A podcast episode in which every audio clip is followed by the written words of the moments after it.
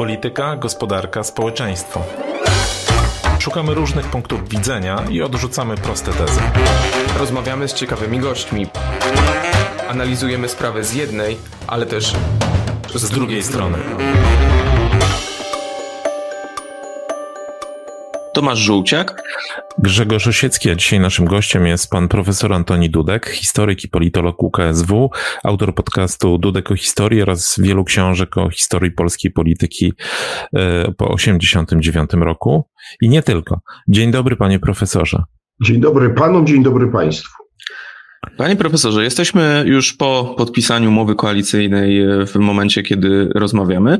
E, widzimy, że koalicja e, jest zdeterminowana, żeby na różne sposoby udowodnić prezydentowi Andrzejowi Dudzie, że ta koalicja istnieje nie tylko w zakresie słów, ale także na papierze. No tylko pojawiają się głosy, że to jest koalicja, która rodzi wiele ryzyk, choćby przez pryzmat tego, ilu uczestników jest w tej koalicji. Czy Pana zdaniem to jest, e, jak to się czasami mówi, najbardziej egzotyczna koalicja w historii wolnej Polski, czy zdarzały się jeszcze bardziej egzotyczne? Zdarzały się jeszcze bardziej egzotyczne, ale bardzo odległej przeszłości na początku lat 90. Ja przypomnę, że choćby koalicja, która, której podstawą stało się utworzenie rządu Hanny Suchockiej, pierwszej kobiety premiera w dziejach III Rzeczpospolitej i w ogóle w dziejach Polski, to była koalicja siedmiu partii, przy czym te siedem partii nie wystarczało, żeby mieć większość w Sejmie. Do tego trzeba było jeszcze mieć poparcie Związku Zawodowego Solidarność, który nie wszedł do koalicji, ale umożliwił jakby powstanie tego rządu. No i jak wiemy, ten rząd długo nie pociągnął, ale dlatego, że prezydent był przeciwko temu rządowi, tak naprawdę Lech Wałęsa od pewnego momentu zaczął grać przeciwko rządowi Suchockiej, jest zresztą na moim podcaście program o, o rządzie Suchockiej, gdzie szczegółowo o tym opowiadam. Natomiast później rzeczywiście już rządy mieliśmy nieco bardziej spójne, ale też nie do końca, bo jeśli weźmiemy rząd Jerzego Buzka, to on formalnie był złożony tylko z dwóch podmiotów, Akcji Wyborczej Solidarność i Unii Wolności, ale w rzeczywistości AWS był y, konfederacją podmiotów, najpierw ponad 30, później po redukcji, którą przeprowadził Krzakleski do pięciu, a więc tak naprawdę mieliśmy takie wielopodmiotowe koalicje i, i w tym sensie to nie będzie absolutna nowość. No, problemem będzie na pewno najbardziej fundamentalnym dla tego rządu ułożenie sobie relacji z prezydentem Dudą, dlatego że wraca e, problem koabitacji w Polsce. I jak wiemy poprzednia koabitacja z udziałem tego samego premiera, czyli Donalda Tuska, tylko w roli e, drugiej strony był Lech Kaczyński, była wyjątkowo burzliwa, no i skończyła się tak jak się skończyła, czyli katastrofą smoleńską, czyli podsumowując, e, to jest największy problem, ale zarazem ten konflikt z Dudą będzie tym, co może konsolidować te, te, te no właśnie, bo tworzące rząd. No bo, bo jest to koalicja kordonowa. Ja ją będę tu konsekwentnie w naszej rozmowie nazwał koalicją kordonową, bo głównym motywem jej powstania jest chęć odsunięcia PiSu od władzy. I w tym sensie kordon jest nie wokół Dudy na razie, tylko wokół PiSu, ale za chwilę ale... ten kordon może być zbudowany wokół Dudy. A to na ile ona będzie właśnie, e, na ile ta prezydent będzie spoiwem dla tej koalicji? No bo w tej chwili e, wybory, jak rozmawiamy na przykład z politykami PiSu, to oni mówią, no mamy szczęście, że tak naprawdę e, zaraz po tych wyborach, kiedy oddajemy władzę, mamy wybory samorządowe, europejskie, za rok są prezydenckie i że partia tak naprawdę mimo wszystko wchodzi w taki ry, cykl, rytm dyscypliny. Z drugiej strony mm, nowa koalicja będzie miała prezydenta naprzeciwko siebie, tak jak pan powiedział, więc na ile wybory i prezydent to będzie spoiwo w tej chwili? No myślę, że wybory raczej nie będą spoiwem, bo tu jest element rywalizacji. Ja nie sądzę, żeby na przykład przy wyborach samorządowych, y, nie wiem, reaktywowano na przykład coś w rodzaju paktu senackiego i żeby wszystkie te podmioty tworzące koalicję wysuwały swoich kandydatów na prezydentów miast, burmistrzów czy wójtów. Zdziwiłbym się, gdyby aż tak daleko poszła konsolidacja, więc będzie element rywalizacji. Co do wyborów do Parlamentu Europejskiego, no tutaj mogę sobie wyobrazić y, y, nawet głębszą konsolidację niż trzy listy, które mieliśmy 15 października tej, tej dotychczasowej opozycji. Być może na przykład Lewica się tak jak się kiedyś dogadała z e, Platformą Obywatelską, no kiedyś, czyli przy poprzednich wyborach, to wystawi, wystawi wspólnych kandydatów.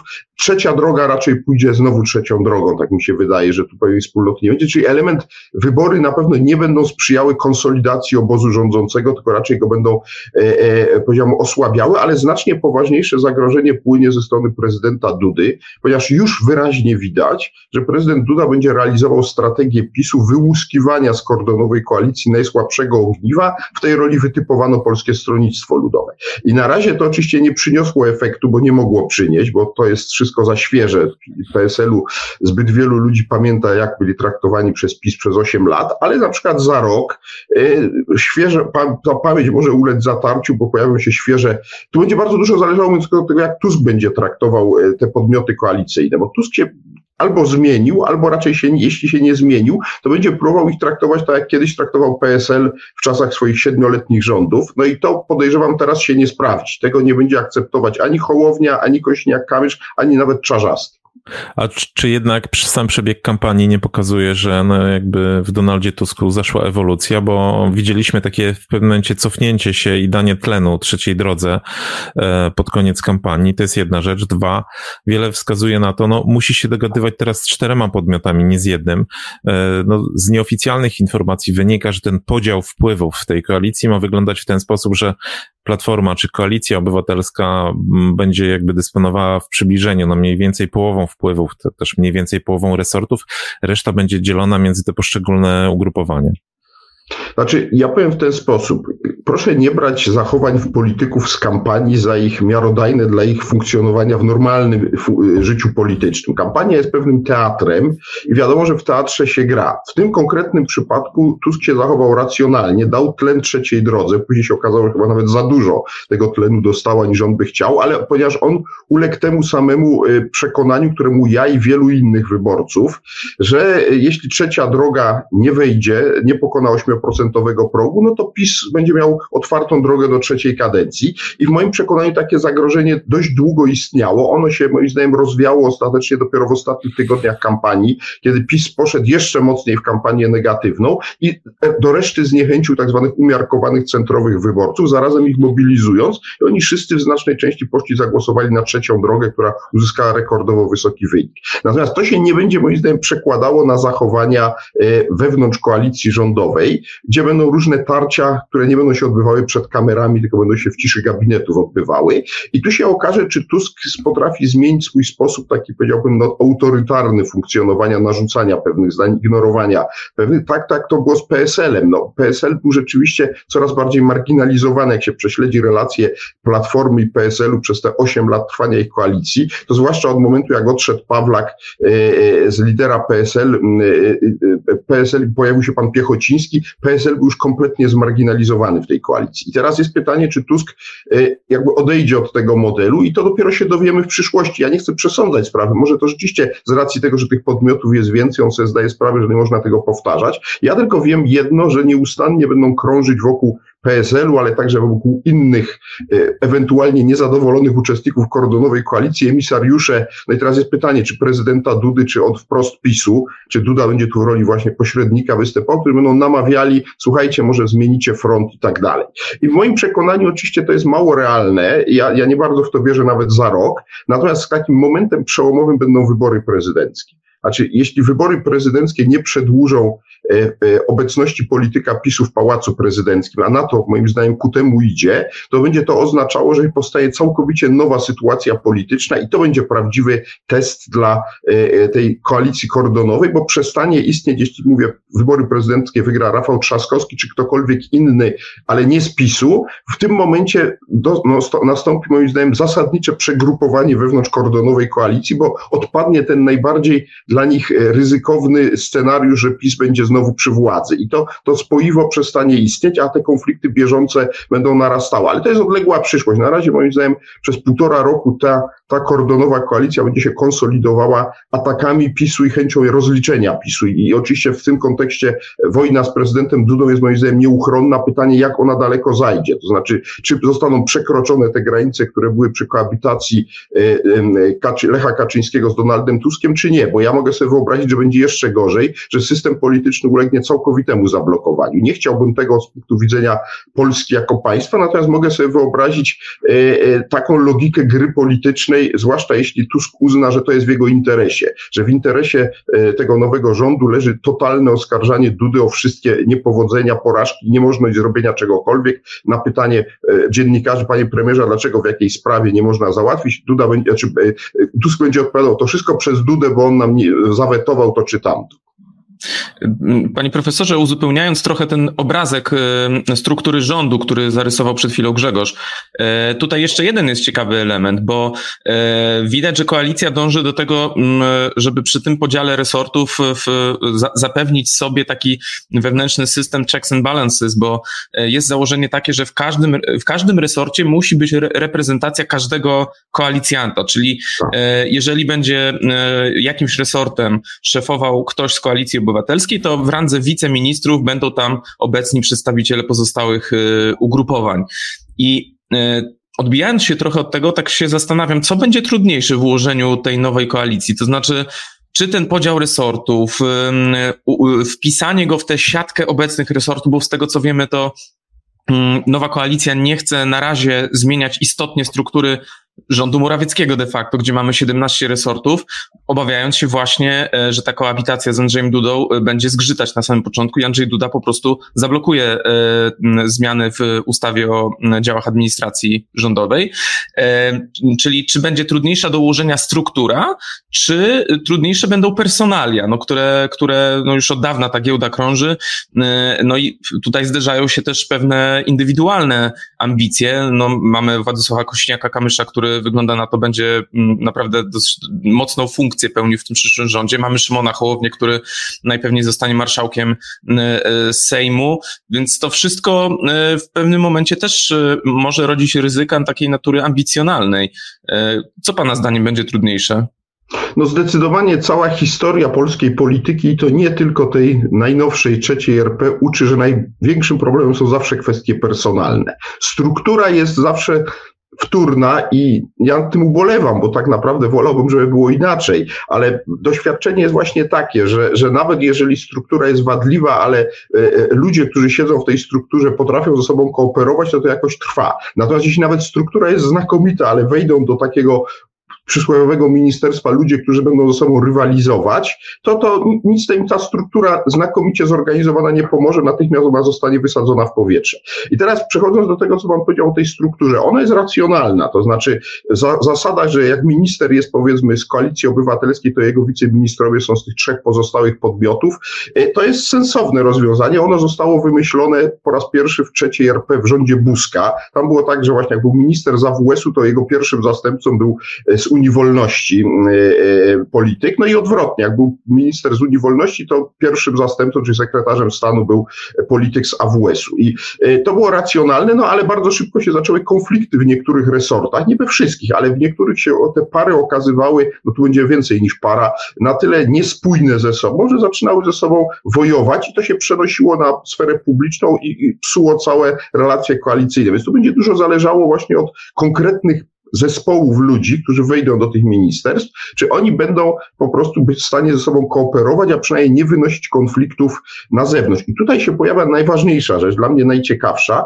jaki będzie mechanizm bieżącego rozwiązywania konfliktów koalicyjnych, ponieważ w moim przekonaniu najbardziej oczywiste są cykliczne spotkania czterech liderów, którzy muszą, nie wiem, raz w tygodniu albo nie, nie, nie rzadziej niż raz na dwa tygodnie się spotykać i omawiać bieżące sprawy y, jako ci, którzy stoją na czele tej koalicji y, i, y, no, mówiąc krótko, pacyfikować wszystkie gdzieś tam bomby, które będą, czy rozbrajać. Czyli, czyli to będzie taki y, y, odpowiednik dzisiejszej Nowogrodzkiej trochę, takie nieformalne Taki ciało, które de facto no, jest decyzyjnie. No ale takie coś musi być, bo jeżeli nie będzie, to to się szybko wysypie. To znaczy doświadczenie koalicji, rozpadu poprzednich koalicji, które mieliśmy, a było sporo takich rozpadów, zaczynało się zawsze od tego, że albo w ogóle nie było takiego trwałego mechanizmu koordynującego relacje koalicyjne, albo on nie działał. No, to jest kazus na przykład, pierwszy taki spektakularny, potwierdzony w umowie koalicyjnej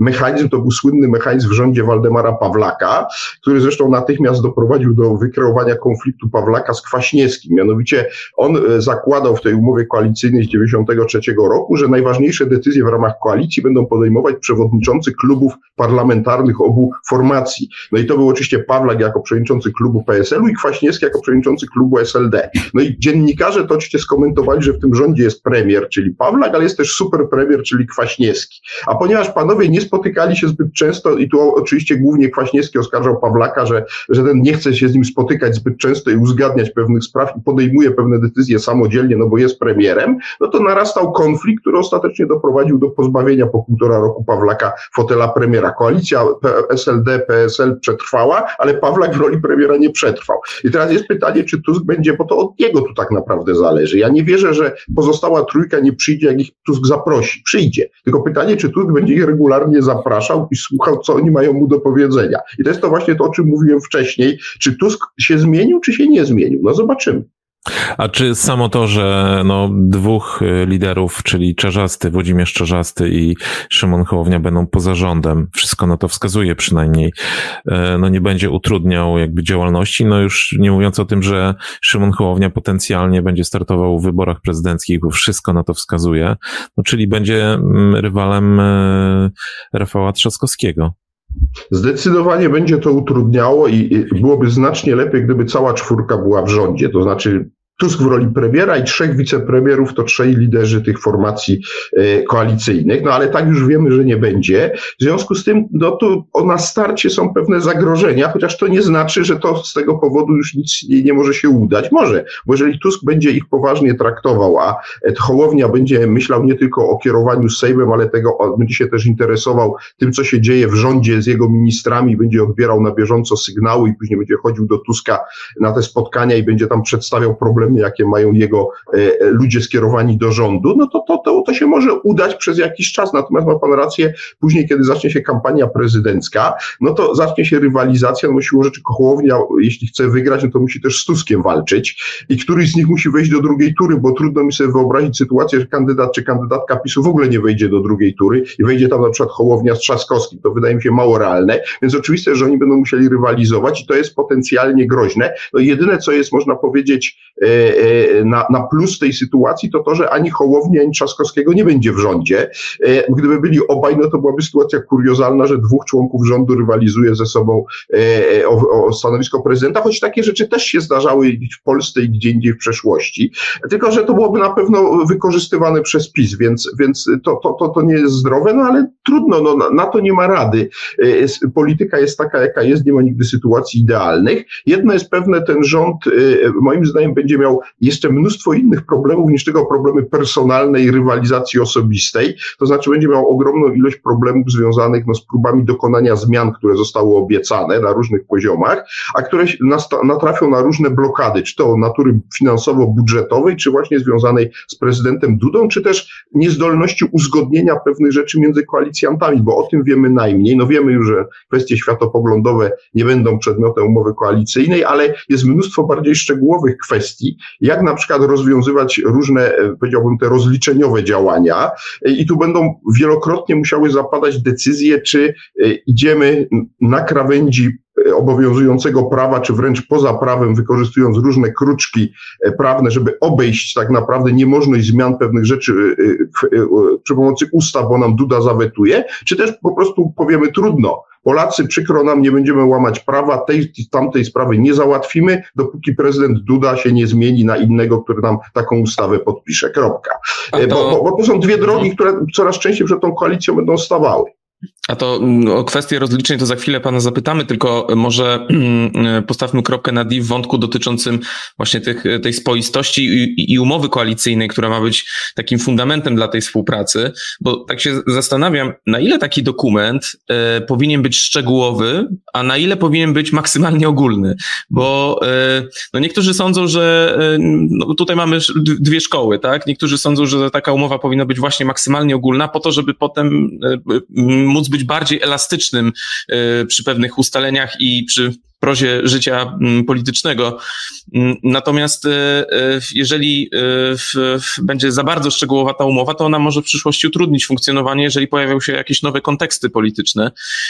No pamiętamy, jak te umowy wyglądały w przypadku Zjednoczonej Prawicy, to znaczy one były tak szczegółowe, że Zjednoczona Prawica wolała je utajnić i tylko w momencie, kiedy gdzieś jakimiś nieoficjalnymi mm, kanałami wyciekła, zobaczyliśmy, jak szczegółowe są te ustalenia, włącznie z podziałem, kto za co odpowiada, kto ilu ma przedstawicieli, czy to w, jakiejś agencji, czy to w jakichś resortach. No, a tutaj no, nie wygląda to w, w ten sposób. Przede wszystkim różnica polega na tym, że od początku deklarowano, że treść umowy koalicyjnej będzie od początku jawna.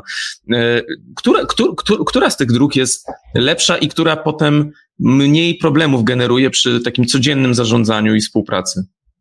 Znaczy, chcę powiedzieć na pewno, że przede wszystkim to, co jest na plus tej kordonowej koalicji, która się tworzy, czy właściwie no, ciągle się tworzy, już można powiedzieć, że powstała, to jest to, że ta umowa jest jawna. I to niewątpliwie e, jest pewien standard, który się zaczął w Polsce w 1993 roku, bo pierwsza formalnie podpisana umowa koalicyjna w dziejach polskiej demokracji to była ta umowa, o której wspomniałem wcześniej z 1993 roku między SLD a PSL. I ona była, powiedziałbym, taka pośrednia. Ona nie była bardzo szczegółowa, ale tam pewne konkrety były bardzo istotne, na choćby ten mechanizm decyzyjny, o którym wspomniałem, kto będzie najważniejsze decyzje podejmował w koalicji. I moim zdaniem jawność jest tu absolutnie najważniejsza. Natomiast co do szczegółowości, no to pan słusznie powiedział, że są dwie szkoły. Nie kryję, że mnie jest bliższa szkoła niemiecka. Umowa koalicyjne niemieckie mają po kilkaset stron i są przygotowywane przez miesiące, jeszcze na długo przed e, wyborami. Ja ubolewam, że e, te podmioty, które od wielu miesięcy, mówię o tych które tworzą kordonową koalicję, deklarowały, że choć nie idą razem na, na, na wspólnej liście, to utworzą rząd, że oni nie zaczęli różnych spraw negocjować wczesną wiosną, czy nawet w ubiegłym roku.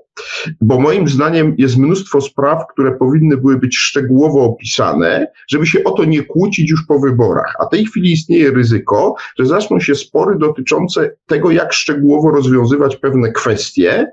E, właśnie i to będzie w istocie rzeczy, i z tego punktu widzenia można powiedzieć oczywiście, że lepiej, żeby tego w umowie koalicyjnej nie było, ale tego i tak nie będzie, bo nie ma kiedy tego napisać. Więc to są rzeczy, ona będzie oczywiście ogólnikowa, ramowa, natomiast e, te rzeczy, które można było wydyskutować, wykłócić, się, kiedy jeszcze nie był znany układ sił między koalicjantami e, przed wyborami, ale szukać najlepszych rozwiązań, skonsultować ją z ekspertami, to wszystko wpisać, to teraz dopiero to wszystko się będzie działo w marszu, to znaczy kiedy już trzeba rządzić, a zarazem trzeba wypracowywać pewne rozwiązania. I to jest dla mnie przykład braku profesjonalizmu polskiej polityki. Polska polityka jest skrajnie nieprofesjonalna i kolejny przykład tego mieliśmy przy tym, jak właśnie, e, że tak powiem, ten sojusz kordonowej koalicji powstawał. Bo jak mówię, nic nie szkodziło nawet przy marszu na trzech listach, zwołaniu wiosną tego roku kongresu programowego opozycji, potworzenia szczegółowych zespołów i dzisiaj mielibyśmy na przykład 20 czy 30 stronicowy rozdział, co nowy rząd zamierza zrobić, jeśli chodzi o gospodarkę wodną. Proszę bardzo, bo to wszystko wydyskutowane i do roboty tak? A w tej chwili dopiero się zacznie dyskutowanie, co zrobić z wodami polskimi. Ja nie wiem, które utworzył e, rząd PiSu, czy wody polskie przetrwają, czy nie, no pewnie przetrwają, bo Duda zawetuje i nie da się tego zlikwidować me metodą bez zmiany ustawy. No ale w takim razie, co te wody polskie mają robić? Czy mają kontynuować politykę dotychczasowych szefów, która się, no, na przykład w sprawie Odry objawiła katastrofalnie źle, czy, czy jakąś inną, ale jaką? I tak dalej, i tak dalej. Więc można takie przykłady mnożyć do innych obszarów życia. No tego wszystkiego nie ma. I z tego punktu widzenia Pana pytanie jest dzisiaj bezzasadne, bo nie ma już, nie będzie szczegółowej umowy koalicyjnej, bo nie ma kiedy jej napisać. A to ja chciałem zapytać o taką kwestię. E, no, na pewno takim kłopotem będą różne kwestie dotyczące finansów publicznych, no bo mamy z jednej strony obietnice dotyczące e, podwyższenia kwoty wolnej, wprowadzenia innego systemu podatkowego progresywnego, a z drugiej strony budżetową rzeczywistość. rzeczywistość. Ja rozumiem, że to może tutaj skrzeczać w tej koalicji akurat. No tak, chociaż tak naprawdę nie znamy najważniejszej sytuacji. Jaki jest realny stan budżetu państwa? Czy jest tak dobry, jak nas przekonuje Morawiecki i PiS? Czy jest tak zły, jak niektórzy ekonomiści krytyczni wobec PiSu? Czy może jest pośredni? I w zależności od tego, jaki on jest naprawdę, to się okaże. No jedno jest pewne, to ta sztandarowa, najbardziej obsuta obietnica e, Koalicji Obywatelskiej Tuska, że będzie kwota wolna od podatku podniesiona do 60 tysięcy, czyli podwojona, nie wejdzie w przyszłym roku. Wejdzie dopiero najwcześniej wcześniej, jeśli w ogóle w 25 roku, więc w tym sensie rząd ma, e, prawda, cały rok na przygotowanie się do tego. E, natomiast jest pytanie, jak z całą resztą. No, tu na pewno generalnie Polacy są e, przyzwyczajeni w czasach PiSu do sytuacji, że niezależnie czy są pandemie, czy są wojny w naszych granicach, to żyje się nam coraz lepiej, bo rząd ma zawsze mieć pieniądze na wszystkie najważniejsze swoje priorytety i biada temu ministrowi, który jak już to pani Leszczyna zaczęła mówić, która chyba też w tym rządzie ma być, że na coś nie będzie pieniędzy. No to pani Leszczyna nie rozumie, że oczywiście ja ją popieram, tak, tak powinien się odpowiedzialny polityk zachowywać, tylko że przy tym stanie nastrojów społecznych będzie bardzo ciężko powiedzieć, że na coś nie ma pieniędzy, bo, bo, bo, bo ich nie było, bo po prostu PiS nakłamał w sprawie stanu, stanu finansów, bo PiS natychmiast zrobi to, co już zrobił w reakcji na panią Leszczynę. Widzicie, jeszcze nie rządzą, a już mówią, że nie ma pieniędzy. Nieudacznicy i złodzieje. I, i, i, i przeciwstawienie się tej retoryce będzie wymagało naprawdę ogromnej determinacji, po tym zwłaszcza od Tuska, co opowiadał w kampanii no, o tych różnych obietnicach, słynne babciowe i tak dalej. Więc jest tego bardzo dużo.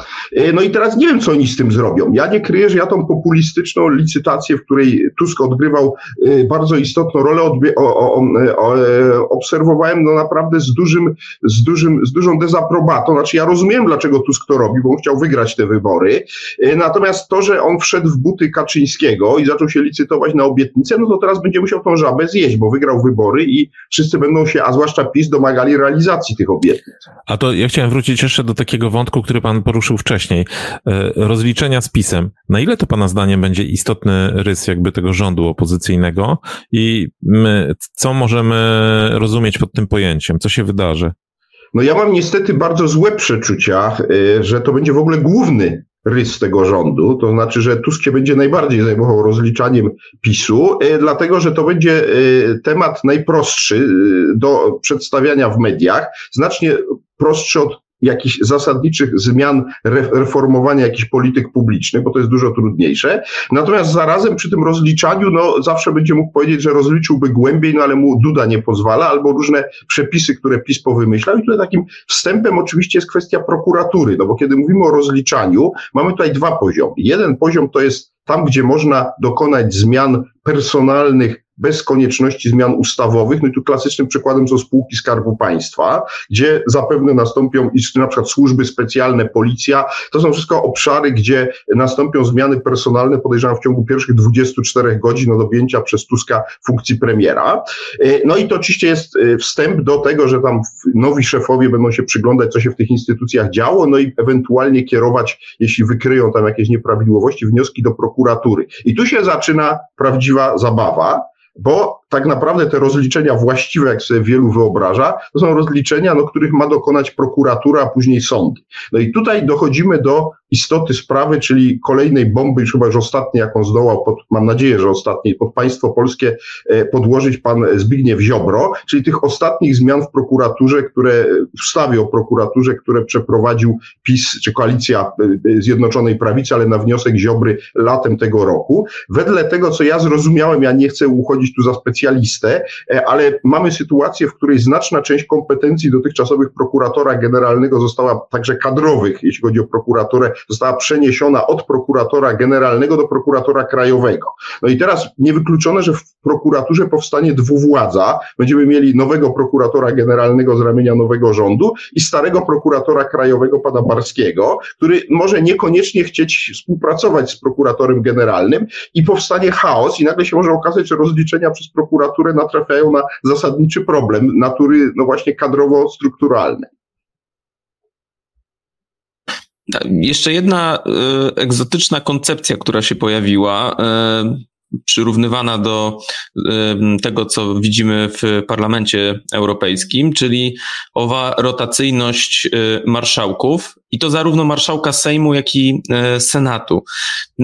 W przypadku Sejmu ta rotacyjność wyjdzie chyba w sposób naturalny, to znaczy, jeżeli Hołownia zostanie na pierwszą część kadencji marszałkiem Sejmu, a wszystko na to wskazuje, no to w, okolicach wyborów prezydenckich po prostu no, skupi się na czymś zupełnie innym, a jeżeli jego ambitne plany się spełnią, to wręcz zmieni rolę.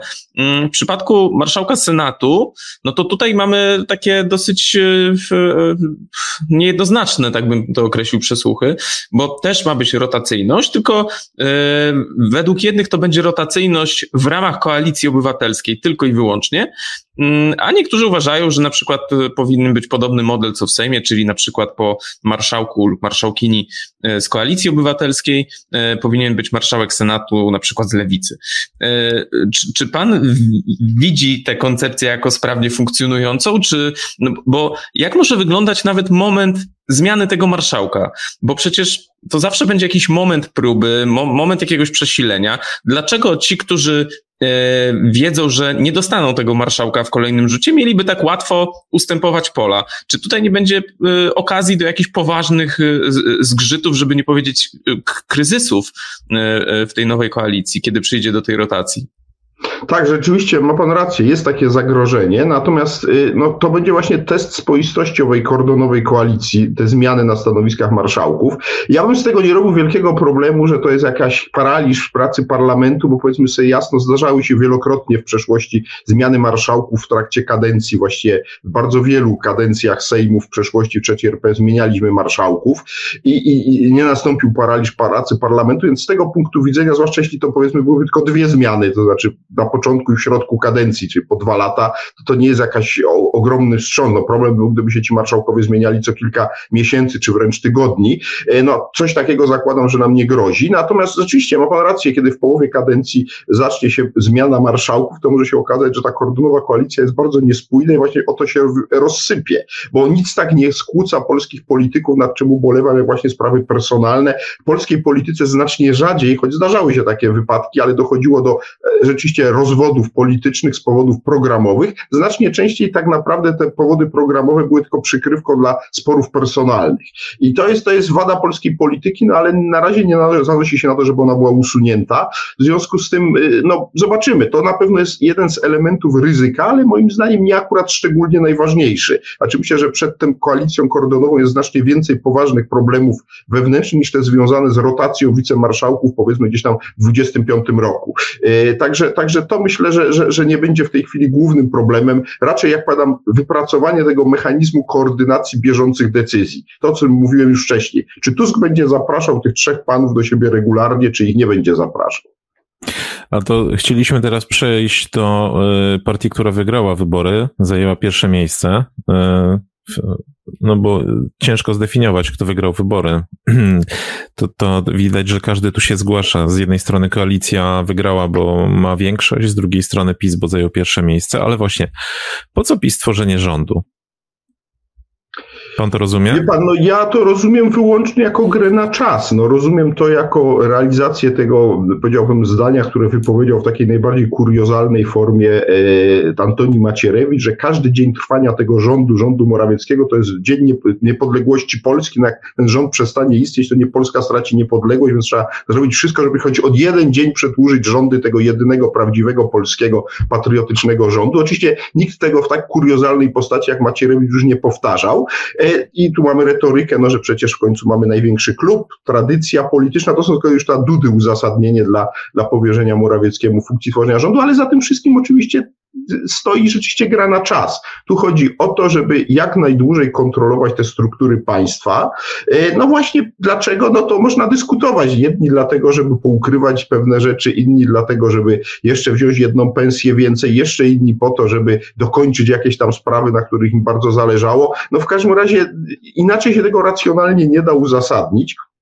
Bo oczywiście nikt nie wierzy, że teraz Morawiecki w ciągu po 13 listopada nagle zamieni się w e, czarnoksiężnika i zahipnotyzuje e, Kosiniaka Kamysza, który zmieni front. No tak nie będzie i to wszyscy już wiemy, więc to jest gra na czas. No i to się w polityce w przeszłości zdarzało, choć nigdy w tak skrajnie kuriozalnej postaci jak, jak teraz. No ale, ale jeszcze moim zdaniem ten miesiąc, bo teraz jest pytanie właśnie, ja już nie chcę występować tu w roli specjalisty od e, interpretacji konstytucyjnej, ale jest pytanie, czy liczymy te dwa tygodnie, które ma prezydent Duda na powierzenie formalnie Morawieckiemu misji tworzenia rządu od momentu jego orędzia, gdzie to powiedział, czy liczymy to od momentu pierwszego posiedzenia Sejmu, czyli od 13 listopada. Bo no, tak, raczej, raczej ta druga wersja, dlatego że no, na razie mamy rząd Morawieckiego w starej kadencji Sejmu, a nowa kadencja no zaczyna się dopiero od 13 Zresztą ja, ja jeszcze uzupełnię, że e, sam PiS e, e, też tak to postrzega, bo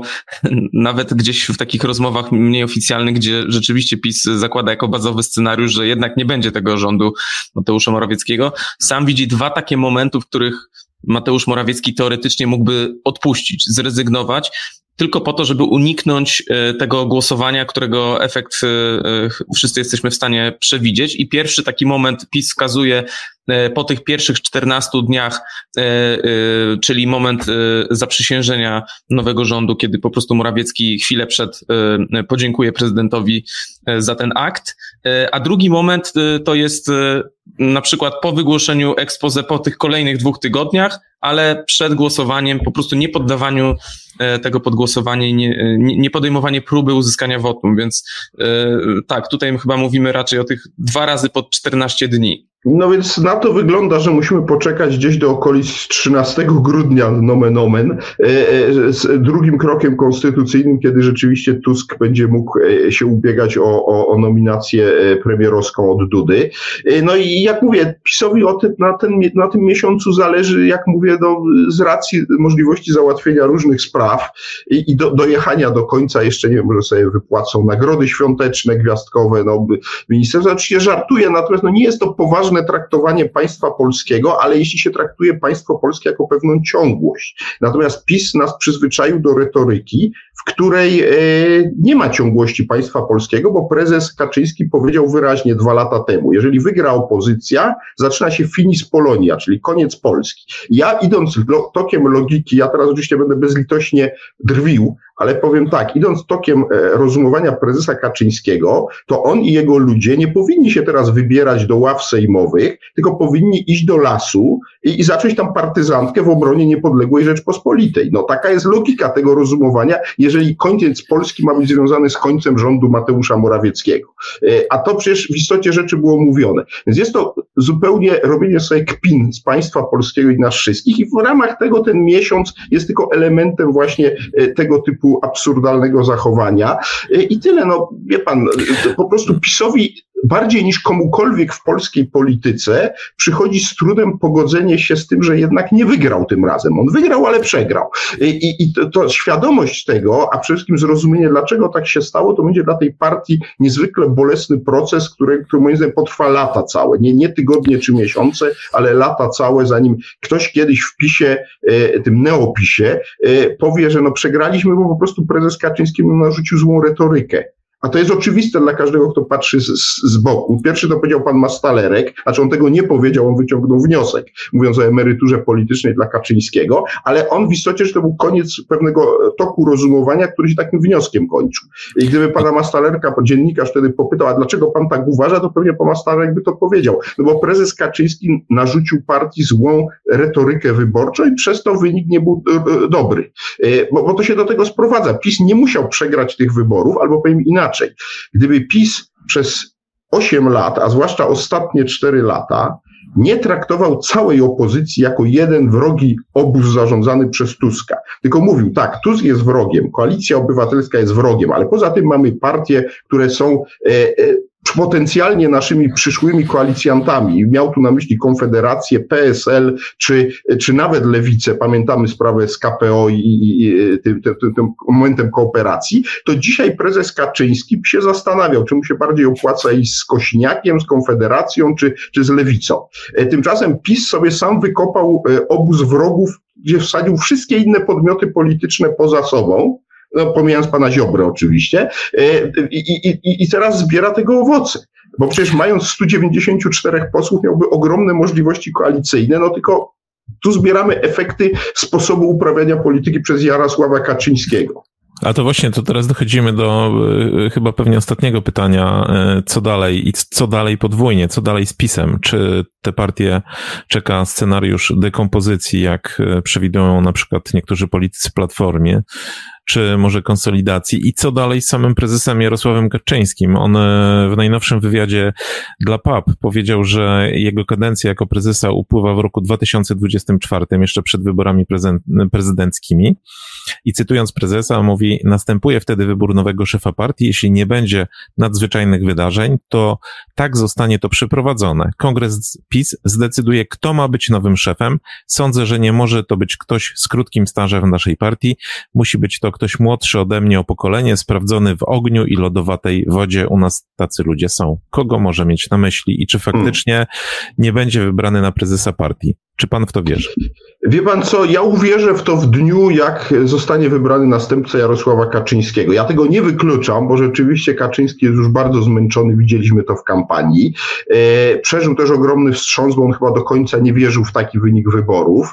E, e, I w związku z tym być może on rzeczywiście będzie próbował namaścić kogoś swojego następcy, ale ja uwierzę w to dopiero w dniu kongresu, jak się to dokona. Ponieważ ja jeszcze mogę sobie wyobrazić, że w ostatniej chwili prezes zostanie ubłagany przez frakcję zagrożoną dojściem tego zahartowanego młodszego działacza, że jednak niech już prezes zostanie. Dlaczego? No dlatego, że PiS wiemy doskonale, że składa się z wielu skłóconych frakcji, e, dla których Kaczyński jest autorytetem absolutnym i w związku z tym jest tak zwanym spinaczem i istnieje ryzyko, że no właśnie jak ten tego spinacza zabraknie, to się wszystko zacznie rozsypywać, przy czym ja nie jestem e, akurat przekonany, że to się wszystko rozleci, tak jakby niektórzy chcieli na, nie wiem, trzy równe części, które się zmarginalizują. Nie, ja nie wykluczam, że potem, jeśli dojdzie do tej sukcesji, to jednak większość partii się skupi wokół tego sukcesora, którego namaścił Kaczyński, a ewentualnie negujący to po prostu zostaną wyrzuceni, tak jak Kaczyński przecież powyrzucał masę e, swoich oponentów wewnątrz PiSu e, w przeszłości, jeszcze przed zwłaszcza 2010 rokiem, kiedy to się kształtowało, więc ten jego następca czy następczyni może to samo zrobić. E, więc podsumowując, podsumowując, ja uważam, że kryzys sukcesyjny będzie dla PiSu ogromnym wstrząsem. To rzeczywiście będzie,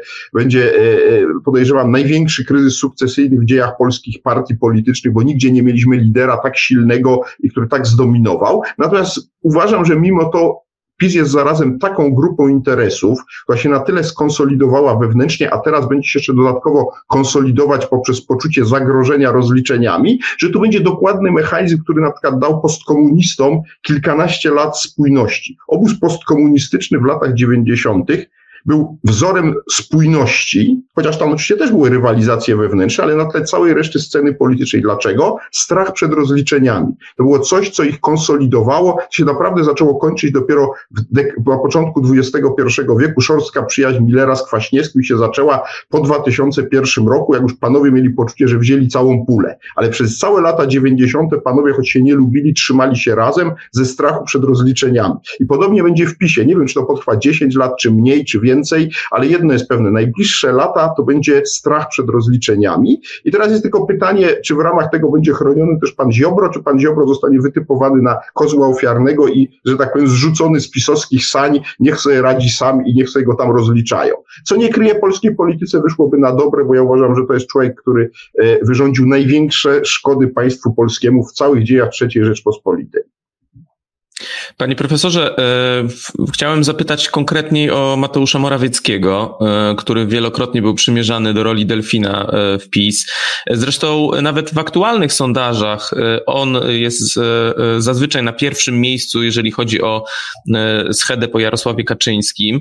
Tylko zastanawiam się, na ile to jest możliwe i jak pan interpretuje to, jaką rolę opozycyjną przypisano, przynajmniej na razie, Morawieckiemu. To znaczy, nie został on wskazany na e, wicemarszałka, nie został wskazany na szefa klubu, bo tutaj był bardzo duży opór ze strony e, ziobrystów.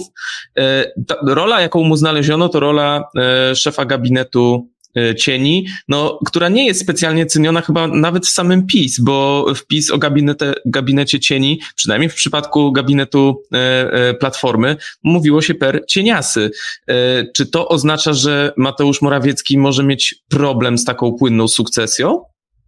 Ja myślę, że może mieć bardzo duży problem, ale wie pan, Bożyckim bardzo mnie martwi, że ten pomysł gabinetu cieni jest właśnie tak bagatelizowany i lekceważony. Gdybyśmy mieli budować naprawdę państwo profesjonalne, to gabinet cieni jest czymś absolutnie podstawowym. Mało tego, on powinien być jeszcze wspierany, że tak powiem, w sposób formalny. Znaczy wzorem paru rozwiniętych bardziej od polskiej demokracji, po prostu taka instytucja powinna mieć e, e, pewne umocowanie prawne e, i mówiąc krótko, tak się buduje nowoczesne, dobrze działające państwo, które zakłada, że co jakiś czas są wybory i dochodzi do zmiany rządu, a nie to, co mamy w Polsce. To tak, taka dygresja. Natomiast co do Morawieckiego, no on ma rzeczywiście problem, bo on zdaje się, że przez te 8 lat no, nie zbudował sobie w PiSie wystarczająco mocnego zaplecza.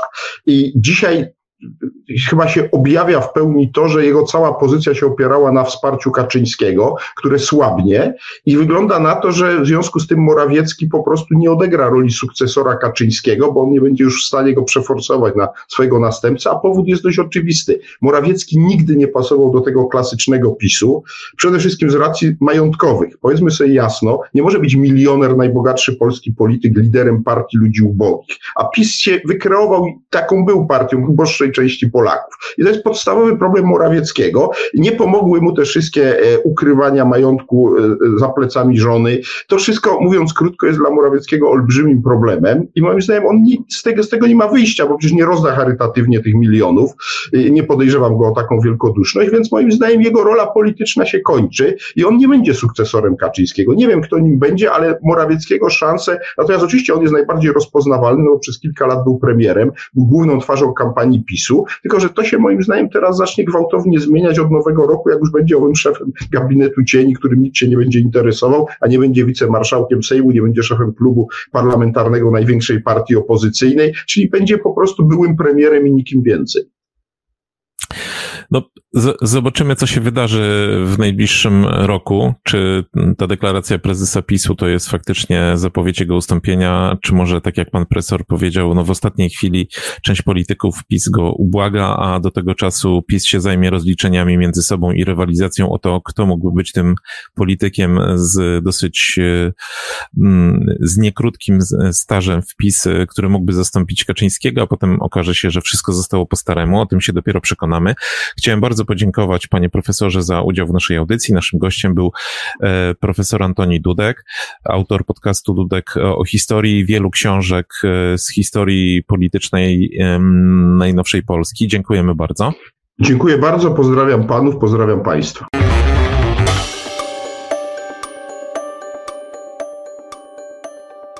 A w drugiej części naszego podcastu porozmawiamy o jednym z pierwszych wyzwań, e, jakie staną przed nowym rządem, e, o wyzwaniu budżetowym i wyzwaniu jakby wpasowania różnych obietnic wyborczych e, w realia budżetu 2024. Jak myślisz, jaki będzie scenariusz nowej władzy? To jest moim zdaniem największe zagrożenie, które stoi przed nową koalicją, bo jednak mimo tej całej narracji, która pojawiła się e, tuż po wyborach, czyli e, ola Boga, mamy dziurę Morawieckiego, e, co tam jeszcze jest, czego nie ma, jak my to wszystko zepniemy,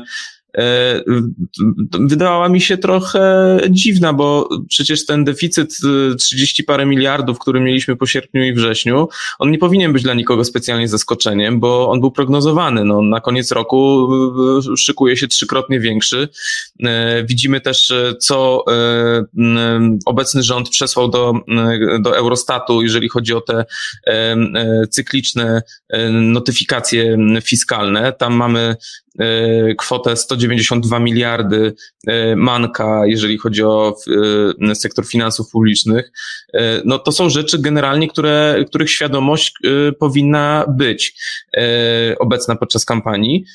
No ale jednak, w, kiedy, tak jak powiedział pan profesor Dudek w pierwszej części, no jeżeli Tusk wszedł w, w taką licytację kampanijną z PiS, no to dziś będzie musiał też aby przełknąć. I pytanie jest, czy i jak on ją przełknie, no z tego co słyszymy, e, no to wygląda na to, że te e, takie najbardziej kosztowne i efektowne e, propozycje, widzę kwota wolna 60 tysięcy, one wcale nie muszą wejść tak szybko, jak mogłoby się wydawać. To znaczy, raczej są marne szanse, żeby ona zafunkcjonowała już w 2024 roku.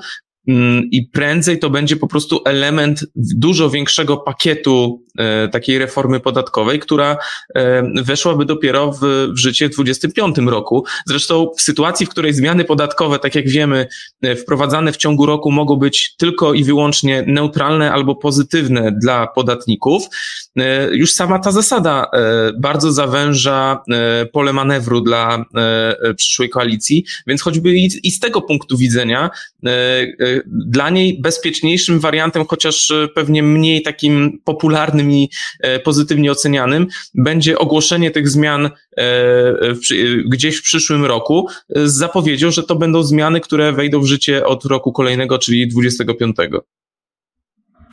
No pewnie tak, bo, bo na pewno opozycja musiała się liczyć z tym, że, że nie będzie lekko. Bo mimo tych słów kampanii, e, że pieniądze się na wszystko znajdą, to już nawet z tego budżetu, który rząd złożył, e, wynikało, że ten deficyt będzie tam blisko 5%, przynajmniej spore szanse są na taki deficyt.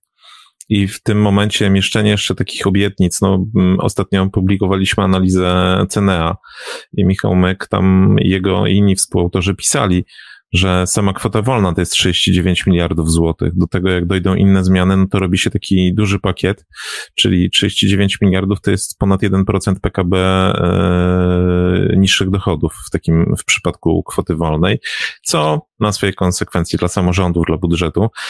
Więc faktycznie timing pewnie e, rządowy będzie taki, że najpierw zostanie złożono, złożony szybko projekt budżetu, bo on też musi być złożony po to, żeby od 1 stycznia był w ogóle jakikolwiek budżet, bo, bo mamy zasadę dyskontynuacji, więc e, powinien być złożony. Potem pewnie w trakcie prac zostanie do niego dołożona rządowa autopoprawka, gdzie koalicja dokona jakichś pierwszych korekt, y, o jakich będzie można mówić.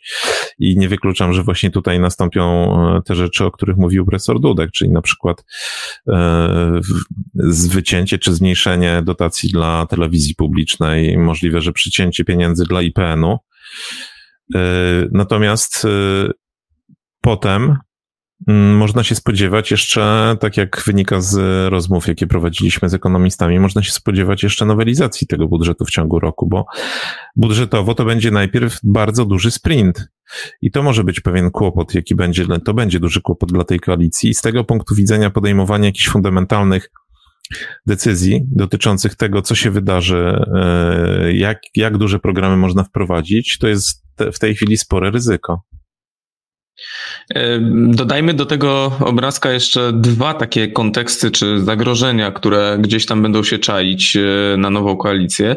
E, pierwsze to jest e, to, o czym pisaliśmy niedawno w dzienniku Gazecie Prawnej, czyli takie widmo wdrożenia czy powrotu Brukseli do e, procedury nadmiernego deficytu, e, takiego bardziej rygorystycznego patrzenia e, na stan finansów publicznych państw członkowskich. No ta procedura ma być wznowiona w przyszłym roku, tak przynajmniej mówią oficjalne komunikaty ze strony Komisji Europejskiej. Procedurą nadmiernego deficytu, gdybyśmy patrzyli na to tak, w taki sposób bardzo formalistyczny, może być objętych nawet 20 krajów e, członkowskich, e, e, w tym oczywiście Polska, która według części ekonomistów wręcz będzie w awangardzie tych krajów objętych taką procedurą z uwagi na znaczące przekroczenie tego limitu dotyczącego dziury budżetowej, czyli 3% PKB.